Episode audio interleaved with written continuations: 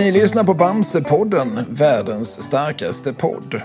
Jag heter Kalle Lind och jag har läst Bamse med viss regelbundenhet sedan 1979, fyra års ålder. Mitt emot mig sitter Jan Magnusson. Välkommen hit. Tack för det. Jag frågar dig vad jag frågar alla andra gäster. Hur ser din relation till Bamse ut?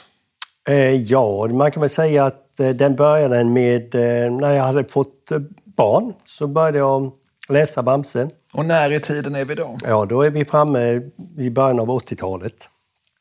Jag hade ju visserligen hört Bamse tidigare på något sätt, varit i kontakt med den i alla fall.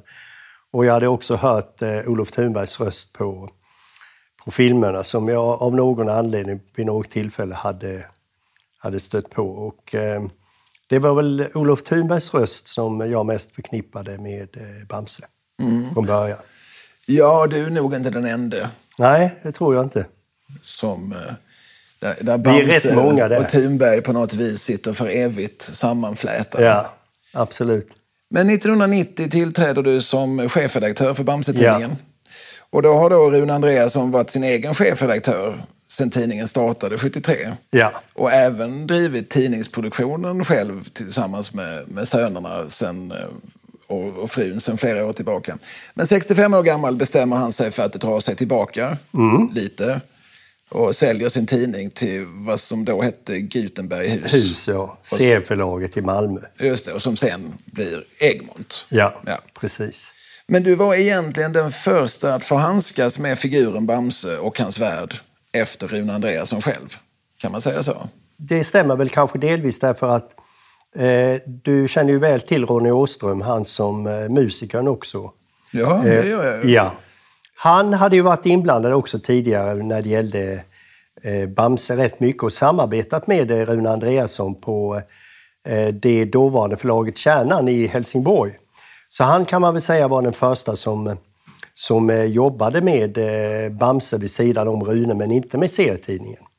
Så att serietidning, då var jag den första som, eh, som kan man säga började jobba med Bamse. Ja, det stämmer. Det är en liten kuriositet här med Ronny Åström som alltså gjorde eh, skånsk reggae och som, ja, och som var, var, kompis med den stora reggae-kungen. Som Rune gillade. Ja, ja. Men han gjorde två skivor på 70-talet ja. som låter ganska mycket som Peps låter. Absolut. Jag tror att Peps dessutom producerat bägge två. Men ja. han, han, var i det civila så jobbade han på Kärnan som... Ja, han var kan man väl säga ateljéchef på den tiden så att han, han var ju en, kan man säga, en stötta för mig i början. Han kände, dels kände han ju Rune sedan länge och eh, kunde då lite grann förbereda mig för eh, hur Rune var som person. Och det kunde vara bra. Behövdes den förberedelsen? Ja, men det är så här, man får ju tänka sig att... Eh, tänk dig själv om någon tog över ditt snedtänkt och du skulle sitta vid sidan om och, och tänka så här, jaha, han vet ju ingenting om Kaj Gullmar eller, eller Karl Gerhard, eller? Hur kul hade det varit? Ja. Mm, nej, precis. Det är ju en mycket bisarr tanke att det skulle ja. finnas. Ja, så att man får ju tänka sig det här. Rune har gjort allting. Det har, allting har vuxit fram inne i honom. Det är hans karaktärer. Och, och nu ska någon annan ta över det. Och hans, eh, det första jag fick göra det var ju att åka med eh, dåvarande förlagschefen i Malmö, Ronny Åström, en, en dansk medarbetare och jag upp till Rune och träffade honom i viken. Och då satte vi oss, precis som vi sitter mitt mot varandra nu här, så spänner Rune ögonen i mig och säger han, vad vet du om Bamse egentligen? Och vad svarade du då? Ja, jag svarade så här lite var jag, jag har läst Bamse lite grann för mina barn. Mm. Var han nöjd med det svaret? Det vet jag inte. Uppenbarligen så förmodar jag att jag ingav visst förtroende. Hur jag nu lyckades med det, det vet jag inte. Men, men hur kom det sig att du fick det här förtroendet? Varför blev du chefredaktör? Ja, Vad är din historia? Ja, det har en historia. Därför att från början var det så att jag jobbade på ett eh, läkemedelsbolag som jag blev, blev lite trött på att jobba på. Så sökte jag lite olika jobb, bland annat som eh, Kalle redaktör eller någon, någon av de här Disney-tidningarna. Eh, och fick svaret då att jag nog var lite överkvalificerad för det jobbet med, med den bakgrund jag hade. Jag hade recenserat eh, seriealbum under många, många år för Bibliotekstjänst. Och bland annat skrivit väldigt illa om ett av de albumen som just det förlaget hade gett ut. Så de hade väl fått ögonen upp för den där Jan Magnusson. Att han var en kritisk fan. Så att eh, i alla fall så, eh, så eh, jag fick inte det där jobbet och sedan så dröjde det ett antal månader tänkte jag, ja det händer ingenting. Och sen ringer den här förlagschefen upp och så säger han, jo du, vad skulle du säga om att bli, ta över Bamse då, nu när Rune slutar? Det är lite svårt att tacka nej till. Ja, men vad är din bakgrund där? Du jobbar på läkemedelsföretag. Ja, nej, men jag, är, jag är lärare i grunden och sedan har jag jobbat som journalist. Och sedan så eh, under, ja, jag vet inte många år, tiotal år, tio år ungefär, så recenserade jag åt Bibliotekstjänst barn och ungdomsböcker och all barn och ungdomslitteratur. Så det är en fråga är berättigad alltså. Jag hade ju inte skrivit några serier. Jag hade läst serier, men vem har inte gjort det? Det är ingen merit. Ja, det beror ju på hur man har läst serien. Ja, ja, det är sant. Med, med vilka ögon och med vilken attityd kanske. Ja, precis. Men så var det i alla fall och jag tänkte, eh, ja, det här är ju en, gudagåva. Det är bara att ramla ner över mig. Det är klart jag måste pröva det.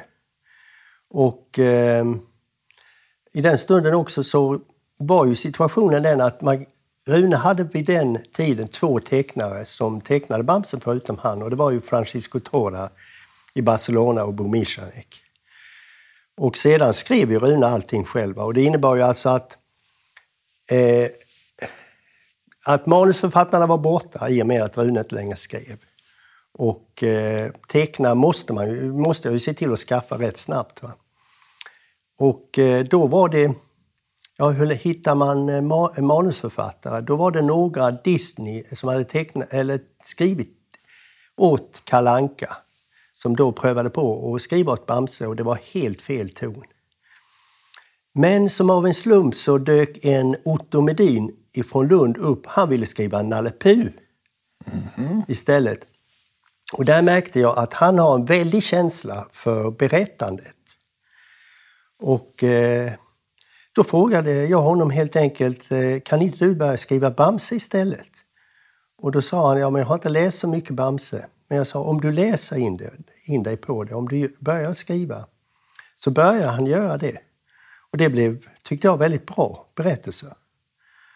Och eh, sedan bestämde jag mig också väldigt tidigt från början att jag måste lära mig tonen i Bamse, alltså hur berättar Rune? Vilka ord använder han? Runes, om du läser Runes Bamseböcker högt, det har du kanske gjort för dina barn? Det har hänt. Ja. Har du reflekterat någonting över hur det, det är när man läser dem? Alltså det är ju inget blommigt språk. Nej, det är det inte. Det är ganska kargt. Ja. Knapphändigt. Just det, precis. Och, det, och i och med att han, blomma, eller han breder inte ut eh, texten så, så blir det lite... Man blir lite torr i munnen när man läser den. Alltså det är lite, som jag skriver, skriver stolpigt språk. Va? Det, det flyter liksom inte så här. Va? Men det var, ju, det var ju det språk så Rune skrev och det var så typiskt för honom så bestämde jag mig för att varenda en pratbubbla som kommer ut i tidningen under min tid, den ska jag ha, inte skrivit om kanske, men redigerat den.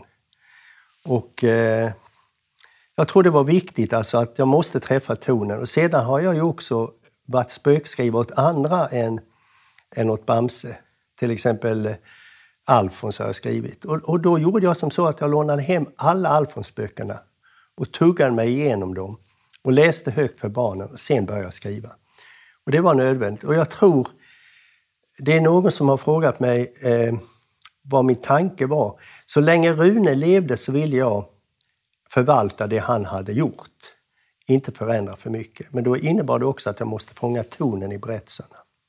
Och samtidigt så måste man ju utveckla en serie. Ja. För det gjorde ju han hela tiden. Ja, absolut. Bamse är ju inte samma serie när han startade absolut 1966. Inte. Absolut inte. Och eh, när han lämnar över den 1990. Nej, men där tycker jag att eh, nu har Bamse, den nya Bamse-redaktionen, så när Rune inte längre är med har man lite friare händer. För att jag kände väl att eh, Rune var ett oerhört starkt stöd. Oerhört starkt stöd. Han kunde ju ge mycket positiv feedback och väldigt skarp kritik naturligtvis. Men det är lite grann som om någon sitter på din axel. du är inte riktigt fri. Nej, men jag gissar att eh, man får köra allting genom honom. Absolut. Absolut. Minns du någonting som han motsatte sig?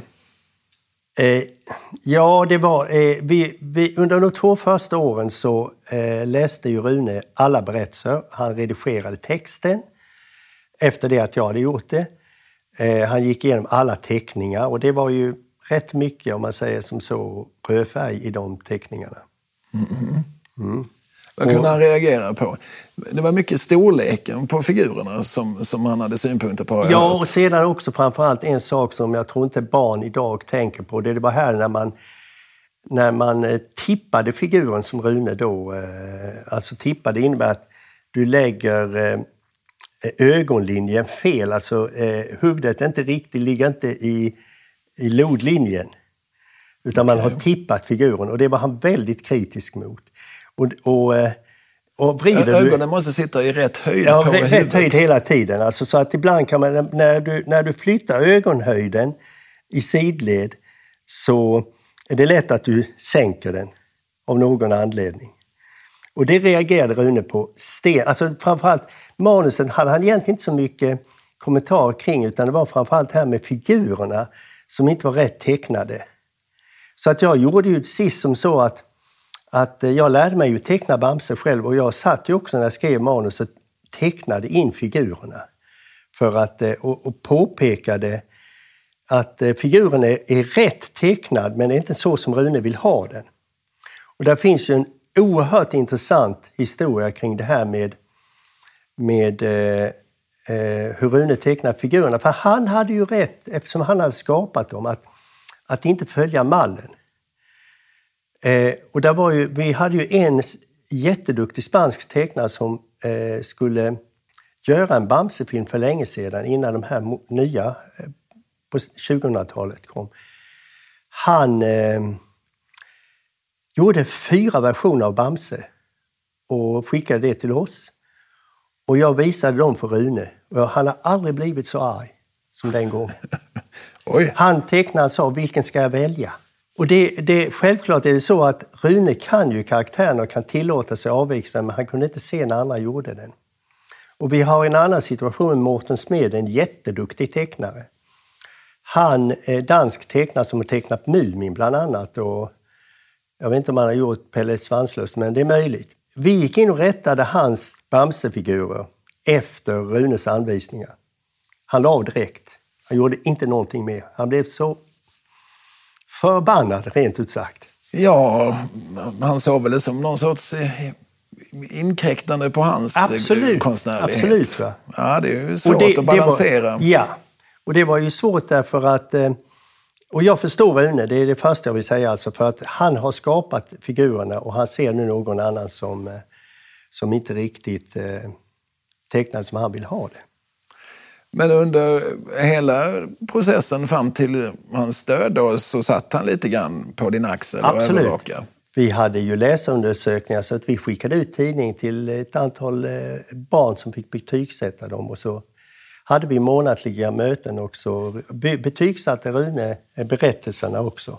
Och någon berättelse tyckte han väldigt illa om på det här mötet och så eh, plockade jag då ur, eh, ur fickan upp vad märkligt att du tycker så illa om den här berättelsen Rune, för det är den berättelsen som barnen gett högsta betyg hittills. Och då läste han den igen. Och då säger han, och det, skil, det är väldigt bra för det visar, eh, eh det visar humörmänniskan Rune. Ja, men det här var ju riktigt bra. så det var lite svajigt alltså. Vad, vad, är, vad, vad, ska jag, vad ska jag behålla mig till i hans kritik?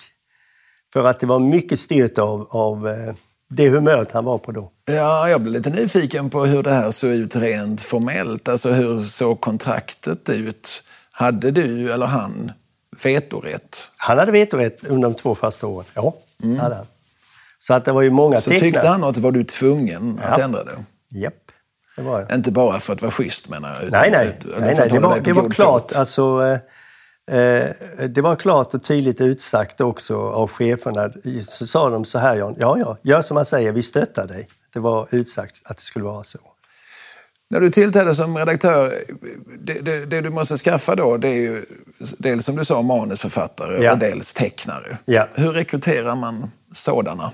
Eh, jag gjorde det på ett lite okonventionellt sätt tror jag. Vi, på, på, den tiden som du känner till så var ju, eh, fanns det flera serietidningsförlag, bland annat Semik i eh, Stockholm. Och de var ju konkurrenter till serieförlaget.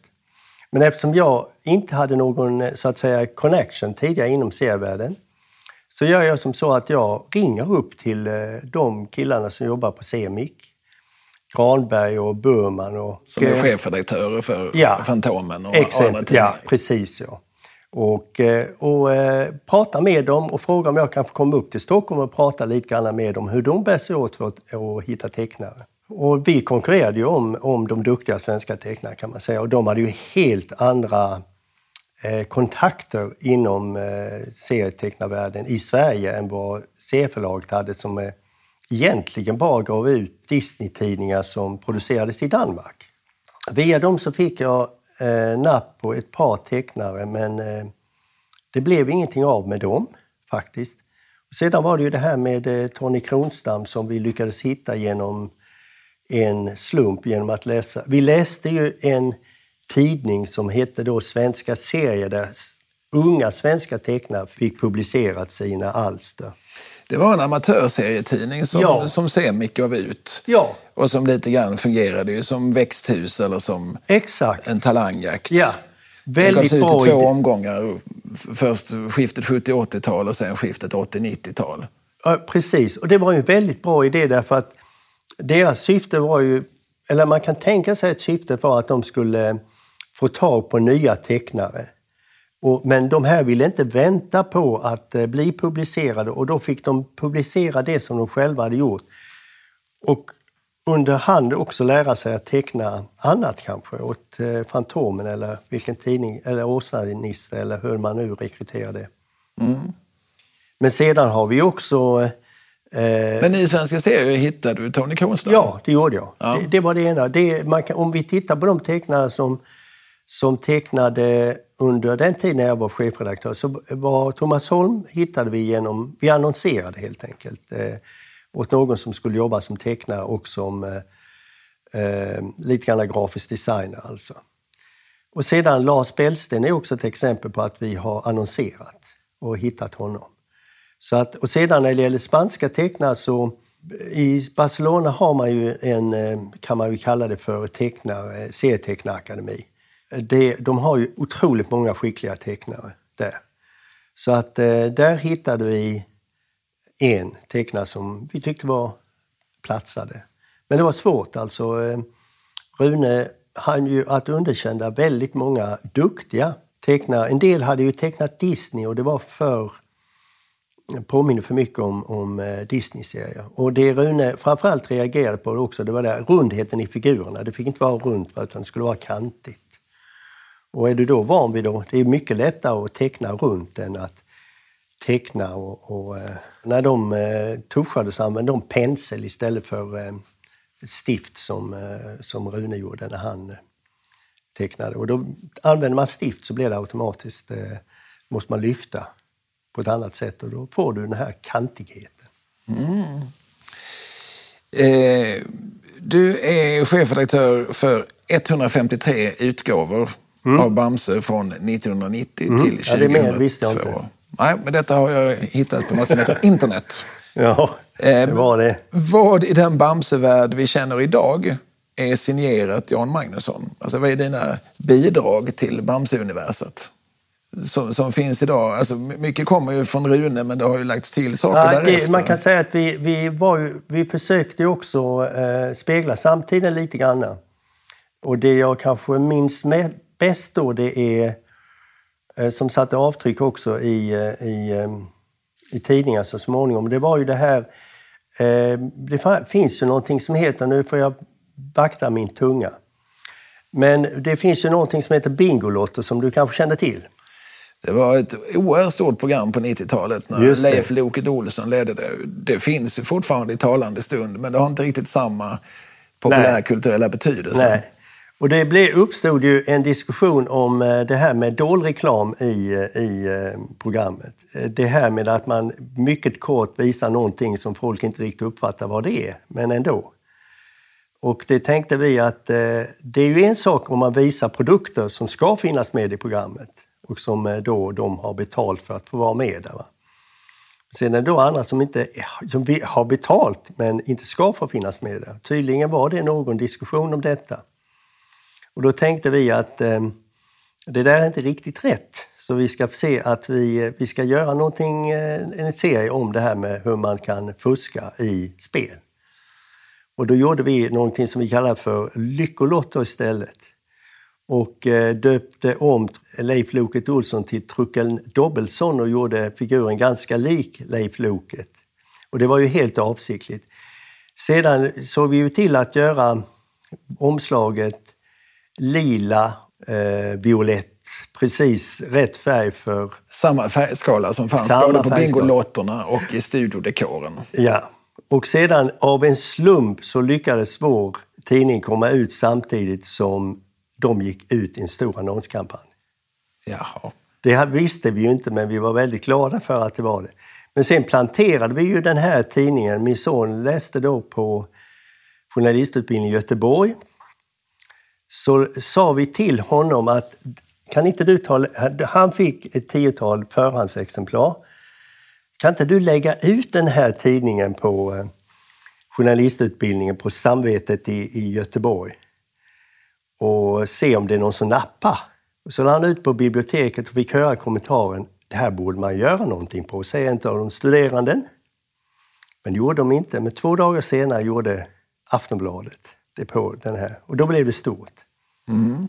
Så vi försökte spegla samtiden och också eh, ta upp sådana som vi tyckte var fel i samtiden. Och det var väl helt i linje med hur Rune gjorde sin serie? Absolut. Absolut. Som, som tog upp miljöförstöring och godisindustrin och eh, massor med företeelser som, som barn kunde känna igen. Ja, absolut. Och sedan så, eh, Finanstidningen eh, utnämnde då Bamse till årets viktigaste opinionsbildare och det var ju rätt intressant också kan man säga. Men sen det jag, det jag framförallt eh, det jag framförallt vill, eh, om man ska säga någonting med Bamse som jag tyckte var viktigt och som jag eh, väl ser också skälen i Bamse, det är eh, den här kunskapsförmedlande viljan, och, eller folkbildande viljan som Rune gav tidigt uttryck för. Och den höll vi fast vid och sedan i samband med millennieskiftet så gjorde vi ju de här millenniumserierna, alltså började vi i 1000-talet och fram till 1900-talet där vi, där vi bland annat eh, tog upp eh, ja, Leonardo da Vinci, Shakespeare, eh, Röntgen och eh, ja, Saladin i eh, Jerusalem och så vidare. Dels för att det var ett millennium men också för att det var, och det var ju det året som Rune inte längre var. Han dog 99. Ja, och det var ju, eh, tanken var ju det att vi skulle föra vidare den traditionen han hade av kunskapsförmedling som var så oerhört viktig. Rune i det lilla eh, satte vetenskap och kunskap väldigt högt.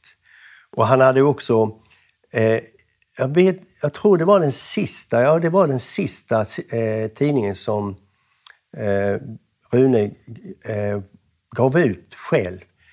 Då var det både eh, en målning av Rembrandt och en målning av Helen Schärfbeck som är finländsk eh, konstnär. Där han skrev om de här. Han hade alltså höga tankar om vad barn kunde lära sig och ville lära sig. Och det ville jag föra vidare. Och det, det, var väl, det kan jag väl kanske tacka min lärarbakgrund för att jag eh, förde vidare i alla fall. Så det folkbildande arvet ja. fördes vidare under ja. dina år som chefredaktör. Men jag har också fått för mig att om vi, om vi liksom går ner mer på mikronivå, ja. att du intresserar dig ganska mycket för figuren Brumma. Ja, visst. Men det hade ju också den, eh, den bakgrunden. Eh, Johan Höjer, som du kanske känner till också, han är ju tecknare. Svenne Gurka har han ritat bland annat. Ja, Svenne Gurka var en, en ganska rolig ja. skämtserie mm. om eh, några unga slackers i Stockholmsmiljö mm. som gjordes på 80-talet tror jag. Precis ja. Men i alla fall, eh, Johan Höjer han kom ju med en idé om att eh, Brumma, eh, som är, är eh, ja, som ni känner till, ni som hör detta naturligtvis. Hon är ju Bamses och Brummelisas eh, fjärde barn och hon är lite eh, olika alla andra, eller så hon bara lik sig själv. Rätt mycket lik sig själv. Men hur som helst så, Johan hade en erfaren, egen erfarenhet, personlig erfarenhet av detta. Och eh, det var han då som etablerade den här Brummas hemliga rum. Och det är ju som så med barn överhuvudtaget. Att inte sällan ensambarn är det ju, men, men eh, det kan ju också vara barn som är eh, eh, lever i sin egen värld, att de har ett hemligt rum. Och då gjorde vi som så att när Brumman gick in i det här hemliga rummet som var under diskbänken i köket så, så blev, förvandlades verkligheten, blev hennes egen verklighet. Och jag tror faktiskt att Bamse är ju en fantasivärld, men här barn känner igen sig i. Alltså ibland bara spånar man ut. Det blir någonting helt annat. Och sedan då om någon anledning Barn går in i sin egen värld och så om någonting sånt här så återkallas man till, eh, till verkligheten. Rätt skönt att slippa från verkligheten ibland. Oh ja. Det är bland annat därför vi läser serier. Ja. Ibland. Det kan vara med den attityden. Eh, men jag har också hört att det var din idé att Bromma skulle ha ett särskilt förhållande till Dunderhonung. Ja, det var det. Mm. Där eh, de flesta bara får ont i magen i tre dagar. Ja. Och några få utvalda blir starka. Och ja. Nalle-Maja ensam blir både stark och får ont i magen. Ja. Så är det tvärtom med Brumma. Ja. Hon får varken styrka eller magont. Nej, hon behöver inte styrkan. Hon har någonting. Samtidigt ska hon inte drabbas av det onda som dunderhonung kan föra med sig. Alltså. Sen har jag förstått att din favoritfigur är Burre. Mm. Hur kommer det sig? Eh, det är ju en eh, figur som i grund och botten är väldigt, eh, är väldigt snäll. Det är en figur som inte får den uppmärksamhet... Alla vill ju naturligtvis bli uppmärksammade, bli sedda. Han blir inte det. Och då försöker han att göra det på det sättet som en del barn gör genom att göra sådana saker som gör att föräldrarna eller vuxna tvingas se på dem. Sen är det väl också det lite grann att eh, jag känner igen mig själv i eh, till exempel hur jag var i skolan. Jag var ju inte eh, den mest skötsamma eleven. Och jag, jag tycker att, att han är den mest komplicerade på ett sätt. De andra är lite, kan man säga, elakt stereotyper. Va? Endimensionella. Ja, endimensionella, det är helt rätt. ja. Men det är inte han. Eh, och man, samtidigt så kan man förstå varför han är som han är. Men eh, han är, han är eh, eh kanske lättare att skriva berättelser kring också därför att, som du säger, att det finns flera bottnar i honom. Och det är det jag... Alltså, det klassiska är ju att, att eh, figurer, frontfigurer i serier, eh, inte minst om de är snälla, blir väldigt tråkiga. Och ja, visst, eh, Bamse är jättesnäll. Eh, Okej, okay. eh, min eh, lille skutt är också lite intressant för att han är ju rädd men han har ju... Det är bara den som är riktigt rädd som också vågar vara riktigt modig. Va? Att övervinna sin rädsla. Det är intressant. Skalman. Jag tycker att eh, Burre som karaktär har flera djup och det är roliga, på något sätt roliga att skriva äventyr med honom. Men om man ska vara lite eh, kritisk, är inte Burre egentligen bara en minivariant av vargen?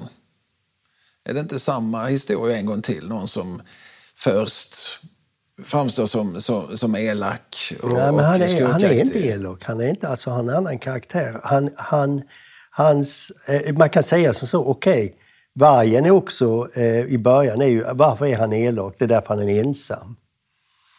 Men Burre är ju, han är ensam i, i sin skog men eh, Burre är inte ensam, men han blir inte sedd. Men vargen blir inte heller sedd. Va? Och så snart han blir sedd, det är det klassiska det här med när han ska fira sin egen födelsedag så ingen uppmärksammar honom för när han fyller år. Och sedan då så visar det sig bygga på ett missförstånd, men under tiden hinner han ju hitta på en massa eh, rackartyg som de säger, eh, vargen. Men berättelserna är väl ganska lika? Alltså, Men man kan säga att det går igen. Ja, ja, det gör det. det är klart att det finns eh, skillnader. Vi får på ett helt annat vis se Burres familj. Det, Ja. det, det dröjer ju väldigt länge innan Ja. vi får läsa vargens oerhört sorgliga eh, Historia. bakgrundshistoria. Men därför, vi, vi, vi konstaterade i en annan podd att eh, man kan om man tittar på generationerna i Bamse se att det finns vissa likheter. Ja, Alltså, ja. I, I trojkan Bamse, Lille Skutt och Skalman kan man se likheter i trojkan ja, Nalle-Maja, ja. Brum och Ja, Teddy. Absolut. Hur de förhåller sig till varandra och hur karaktärsdragen är uppdelade. Ja, absolut. Eh, Så det blir lite grann när man någonstans, ja, att han börjar om någon gång på 80-talet. Ja. Eh, Men det är väl klokt för att då blir ju barnen, de som de läsande barnen identifierar sig med lite mer kanske. Ja. Jag, jag tror det också att eh, det var ju också en anpassning till eh, eh från början, eh, som eh, Joakim Gunnarsson har skrivit mycket klokt, från början var ju Bamse en, en det var ju en pojkboks, pojkboksäventyr. Och sedan då i takt med att socialrealismen gjorde sitt intåg inom barn och ungdomslitteraturen så, så anammade ju Rune det också genom att ta upp eh, de miljöerna med förskola och eh, jag vet inte om förskolan var så... De började i skolan rätt snart, ungarna. Det gick rätt raskt där. De tre trillingarna, de började skolan rätt fort. Ja, det är det där med seriernas eh, speciella förhållande till tid. Ja, visst. Man, kan, I ett och samma äventyr så kan man gå från 0 till 50 och sen kan man stanna på den åldern Exakt, i ja. 50 år. Just. Det är unikt för seriemediet. Ja, visst. Verkligen. Eh, Ja, givetvis i skriv... Alltså, vad heter det? Långserielitteratur kan man Mm. förhålla sig på samma sätt till. Eh, Är det någonting du är missnöjd med? Är det någonting som du föresatte dig som chefredaktör som aldrig blev av under din tid vid makten? Ja, att vi inte gjorde film. Mm, det, det, det, det tycker jag var väldigt tråkigt för att eh, eh, så vitt jag minns så var det väl Bo Michanek och Olof Siverbom, manusförfattare, jag som hade tagit fram ett, ett synopsis till eh, film. Tanken var då att eh, det här skulle gå ut internationellt i, i många länder samtidigt. Man skulle göra, vi skulle göra en Bamse-film så att Bamse skulle kunna lanseras eh, utomlands också, alltså i flera länder. Och det blev inte av och ett av skälen till det var ju också att eh, animationstekniken då var ju, det var ju fortfarande man animerade för hand rätt mycket. Och eh, där fanns ju en eh, duktig animationsstudio i eh, Danmark, Per Holst Film, som sedan gick upp i eh, det som idag är Nordisk Film, som har gjort Bamse-filmerna. Väl också varit eh, åtminstone medproducenter. Eh, de tog ju fram eh, rörelsecyklar med, med eh, Bamse-figurerna. Eh, och vi tyckte de såg väldigt bra ut, men Rune av någon anledning godkände dem inte. Rune gör sin sista Bamse-film så sent som 91. Ja. Bamse i Trollskogen. Ja, Det är egentligen den han vill koncentrera sig på. Det är väl ett av skälen till att han lämnar över ja chefredaktörsposten Ja, det till dig. Det är det. För att den, den drog ut på tiden. Den hade han tänkt bli klar med tidigare. Den var ju, det var ju i Bamse i Trollskogen. Så att, eh, och det blev ju hans, kan man säga, magnum osum, eller opus, som man säger, eller ett stora verk kan man säga. Men eh, det, det tyckte jag var synd att det aldrig blev av för att eh, den lansering som sedan gjordes av Bamse i, eh, i andra länder, den, det var ju svårt. Visserligen öppnades eh, Östeuropa då. Sovjetunionen eh, försvann och, och eh, de länderna i Östeuropa blev, kan man säga, fria från eh, kommunistiska förtrycket. De marknaderna var ju nya, men inte speciellt som man säger mogna då, på den tiden. Men de hade behövt eh, ha en film som introducerade Bamse. Så vår tanke när vi gjorde filmen var att vi skulle göra filmen så, så att man i princip direkt kunde eh, läsa det numret av Bamse som gjordes det året. Så att man var inne i Bamsevärlden. Och det tycker jag var synd att det aldrig blev av. För det innebar ju också att lanseringen inte blev eh, så som Egmont hade tänkt sig. Så någon film blev det inte, men å andra sidan, du, du eh, tog initiativ till ganska många andra så här avknoppnings... Ja, ja. eh, Ja, ja, det gjorde jag. Eh, vad ska vi kalla det? Alltså, Bamses julalbum, Bamse Extra, Bamses naturvänner. Mm. Vilket var det? Det var bro- broschyr eller vad var Eh, Bamses natur... Ja, man kan säga det var alltså eh, böcker med mjuka pärmar kan man säga, kanske. Mm, Eh, som eh, byggde, det byggde ju vidare på att eh, eh, Runes tanke om, om eh, det här med eh, folkbildande eller kunskapsutlärandet. Och att eh, det var någonting som Rune inte hade ägnat så mycket tid åt i, i eh, varken i sina böcker som han hade gett ut tidigare eller i tidningen. Så att där fanns en klar, klar kan man säga, eh, lucka som man kunde fylla igen med Bamses naturvänner som ju blev framgångsrik. Och sen även Bamses brandskola. Ja, just det. Just det. Det, det. gjorde vi ju. Och den hade ju tyvärr en väldigt sorglig historia därför det var ju en eh, räddningschef i Växjö som kontaktade mig. Eh, han var väldigt ledsen. Han hade, några dagar tidigare hade två små pojkar i Karlstad lekt med e- tändstickor och brunnit. Så att eh, han menade på att, där, eh, att en så stark, den enda karaktären som han kunde se som kunde föra ut det här budskapet så att barn tog det till sig, det skulle vara Bamse. För det fanns ju redan tidigare inom Räddningsverket, som det kanske hette då, en figur som hette Flammy.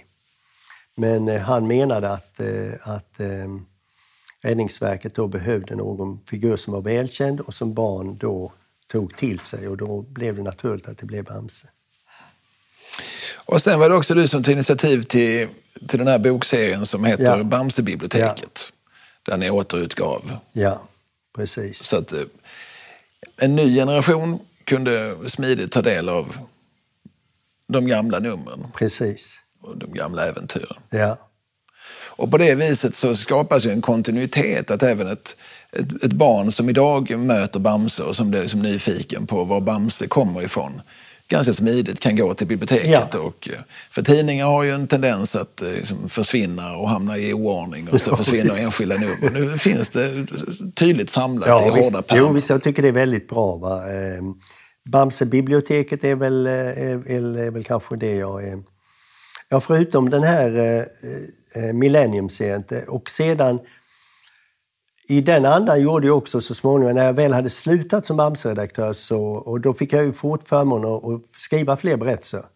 Och det var ju på sätt och vis lite roligare, för då kunde man ju ta tid för att det fanns ju inte samma deadline som det fanns eh, med tidningen. Och då gjorde jag, vi, eh, Dan och jag tillsammans, den här, Dan Andreasson tillsammans, den här eh, Bamse och de sju nya underverken. Och det var rätt roligt för de hade haft en omröstning på internet om vilka, i världen alltså, worldwide, om vilka som eh, då folk tyckte var de riktiga eh, underverken. Ja, precis. Alltså, när man pratar om de sju underverken så syftar man åtminstone när jag växte upp på antikens sju underverk. Ja. Babylons hängande trädgårdar och Ja. kolossen på Rhodos Ja. och sådär. Och av dem så är det väl bara ett som fortfarande faktiskt finns i finns, sinnevärlden. Och därför har man utsett nya underverk. Ja. Jag minns aldrig vilka det är, men det är väl Taj Mahal i Indien kanske. Exempel på det, kinesiska muren. Machu. Picchu i exakt, Sydamerika. Exakt, ja. Och det var ju lite roligt för då, då, gjorde vi, då hade vi ju den tanken. För det första så skulle det vara en, eh, en berättelse naturligtvis, men det skulle också vara, de skulle lära sig de här. Så vi la in det här lärandet i det. Och samtidigt så, för att då, barn går ju in i bilderna, eh, eh, de här fina bilderna som, som liksom Sven Nordqvist, Findus, och Findus, med så mycket detaljer. Men för att de verkligen ska nagla sig fast i de här bilderna över de här underverken så, eh, eh, så skulle man ju leta, upp, leta efter figurer också. Eh, och där hade vi ju alltså, så det blev både pyssel, eller kan man säga, och så blev det berättelse och så blev det det här kunskapsinlärandet. Och samtidigt så var den, blev den ju rätt spännande tycker jag. Så det är väl den, det jag har gjort som jag är mest stolt över kan man säga i Bamsevärlden. Men vad du säger här nu det är att du inte bara var en redaktör som eh, rekryterade tecknare och som hade vissa idéer om hur tidningen skulle utvecklas. Du var också hands-on på det viset att du Absolut. skrev Du och Dan Andreasson ni skrev tillsammans och Ja. då började ni processen, har jag förstått, med, ja, liksom, när ni ville sätta er in i Bamse-världen, att ni satt och härmade Ja, det, Olof var ju, det var, hände ibland så här när vi hade gjort en... eh, Vi, vi, vi var ju långt framme i produktionen, alltså man var ett halvår framme ungefär innan det var näst, det numret man höll på med. Men då gjorde Dan och jag så här att vi, eh, om vi hade en tidning som innehåller, eh, innehåller 28, si- eh, 32 sidor och så hade vi, hade vi fått ihop 28 sidor som vi tyckte funkade och så hade vi lagt in en tävling och så något pyssel och så. Men så behövde vi en serie. Och då, för att visa att det här med serieskapande är inte så glamoröst som man ofta tror, så kollade vi liksom de senaste numren vi hade gjort. Vilka figurer var inte med? Vilka figurer hade vi glömt? Vilka figurer måste vi ha med här? Och så gjorde vi som så då att vi, att vi så upptäckte vi ja, men de eh, Minihopp och Brumma de har faktiskt varit med väldigt lite. Eller Katten Jansson kunde ju försvinna. Och Husmusen. De måste vara med i de här äventyren. Och då satte vi oss i mitt eh, arbetsrum och så, eh, så ingen fick höra oss. Och så började vi så här. Varje morgon klockan åtta äter Bamse en burk dunderhonung. Då blir han världens starkaste björn. Världens snällaste björn är han alltid. Men lille skutt då? Så det kunde låta. Så på det här sättet så invaggar ni er i Rune Andreasson-världen på Ja. något sätt. Ja. Ja, det låter som en lyckosam process. Underhållande för alla parter. Ja. ja, framförallt för oss. de andra fick ju inte höra det. Nej. Nej. År 2000 fick du eh, ett av de finaste priser man kan få inom eh, den svenska serievärlden. Eh, Ja, det är nog till att ta i lite. Men du fick Svenska Serieakademins Adamsson-diplom. Ja. Det är, väl inte, det är väl inte så illa? Nej, det var ju väldigt roligt att få det, det var det. det Det står i motiveringen att du med skicklighet och djupt engagemang arbetar i Rune Andreassons anda, men också har lyckats modernisera tidningens innehåll. Kan du hålla med om det, utan att förhäva dig, men kan du hålla med om att eh, du lyckades med detta? Eh, Jag, jag, det, den första delen av det tycker jag ja, eh, i Rune Andreassons anda. Och det var ju min, eh, min tanke när jag, eh, när jag tog det här jobbet. För det fanns ju också en bakgrund till det här. Det var nämligen att eh, Rune... Dels, dels eh, naturligtvis lär jag mig att tycka väldigt mycket om serien. Det var en sak. Men, eh, och jag förstod också hur oerhört mycket serien betydde för många barn, inte minst genom alla de oerhört många läsarbreven vi fick.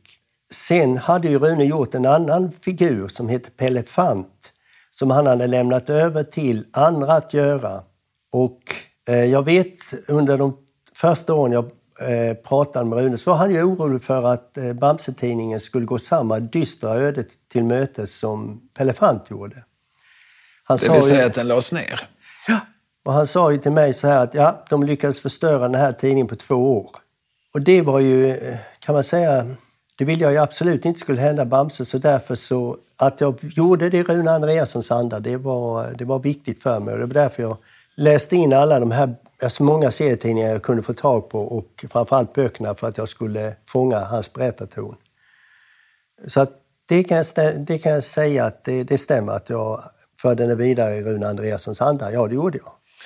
Men den här andra biten av motiveringen också har lyckats modernisera tidningens innehåll. Där är du lite mer självkritisk. Nej, jag har nog velat eh, modernisera. Bland annat diskuterade vi väldigt eh, under lång tid att vi måste föra in en ny eh, karaktär som inte var så god.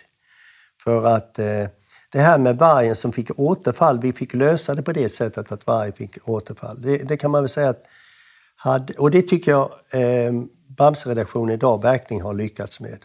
Nu har man alltså ett eh, berättartekniskt element i Reine Räv som gör det möjligt att skapa riktigt spännande berättelser. Och dessutom... Och, och Reinhard kom till under ditt Nej, redaktörskap? det gjorde han inte. Nej, okej. Därför att eh, det gjorde han inte. Men vi diskuterade länge om att eh, vi måste ha en ny karaktär som är ond men oerhört smart.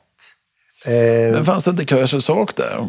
Jo, men Krösus eh, det blev ju också lite enahanda därför att Krösus är ju, han drivs ju av girighet men kan det vara någon person som eh, drivs av någonting annat, alltså den här klassiska motsvarigheten till eh, den gode bara.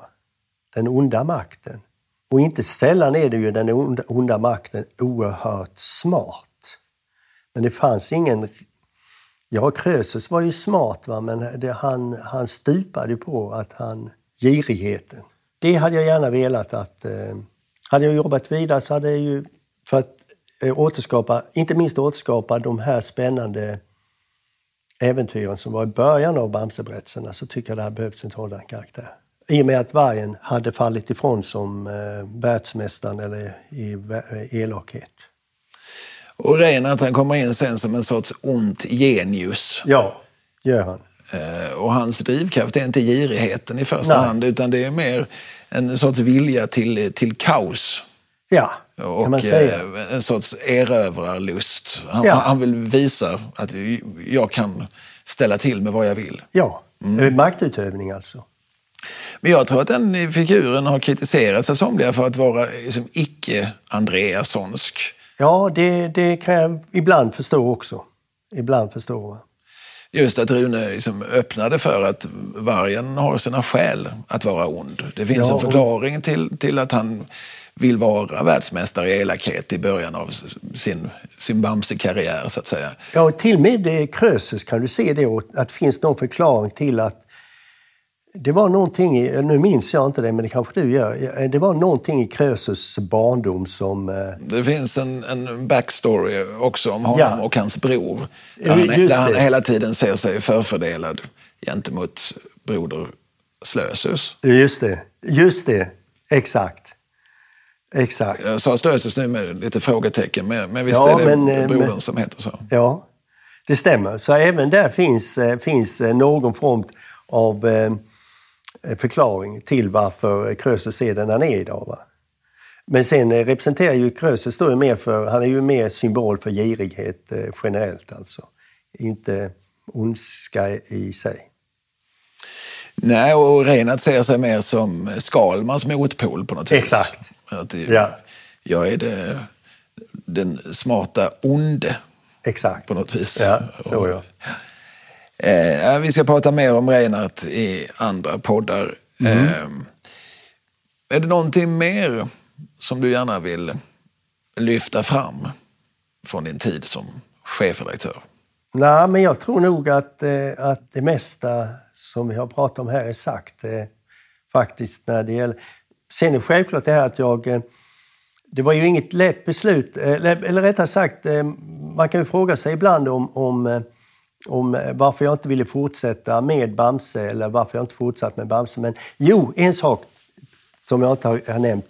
Det är ju de här breven. Det var ju egentligen det, det, det som jag tyckte var allra roligast. Dels gav det ju idéer till, till äventyr, det gjorde eh, och, Men framförallt det här eh, roligaste, roligaste kanske fel ord att säga, men det som engagerade mig bäst, mest och det var ju också det här med de oerhörda förtroenden som man fick från barn som eh, in, tyvärr inte sällan var mobbade i skolan. Alltså, eller, och det vet jag om att eh, det ägnade jag, alltså, jag varje mån, månad så samlade jag ihop de här eh, breven och så la jag dem i olika, olika högar på tema och jag kunde ta upp på brevsidan och så skrev jag då brevsidan. Det, var näst, det skulle jag vilja säga var faktiskt det allra allra eh, roligaste som eh, Bamse-redaktör.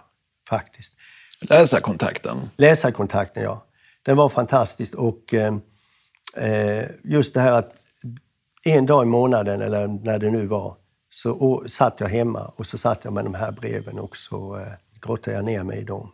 Det är nog det, när jag tänker efter, jag är mest stolt över att jag eh, på mitt lilla sätt försökte att åtminstone ge en del barn tröst i mörkret. Och det var ju också oerhört mycket i Rune Andreassons anda. Det är kanske det också som eh, jag ville göra.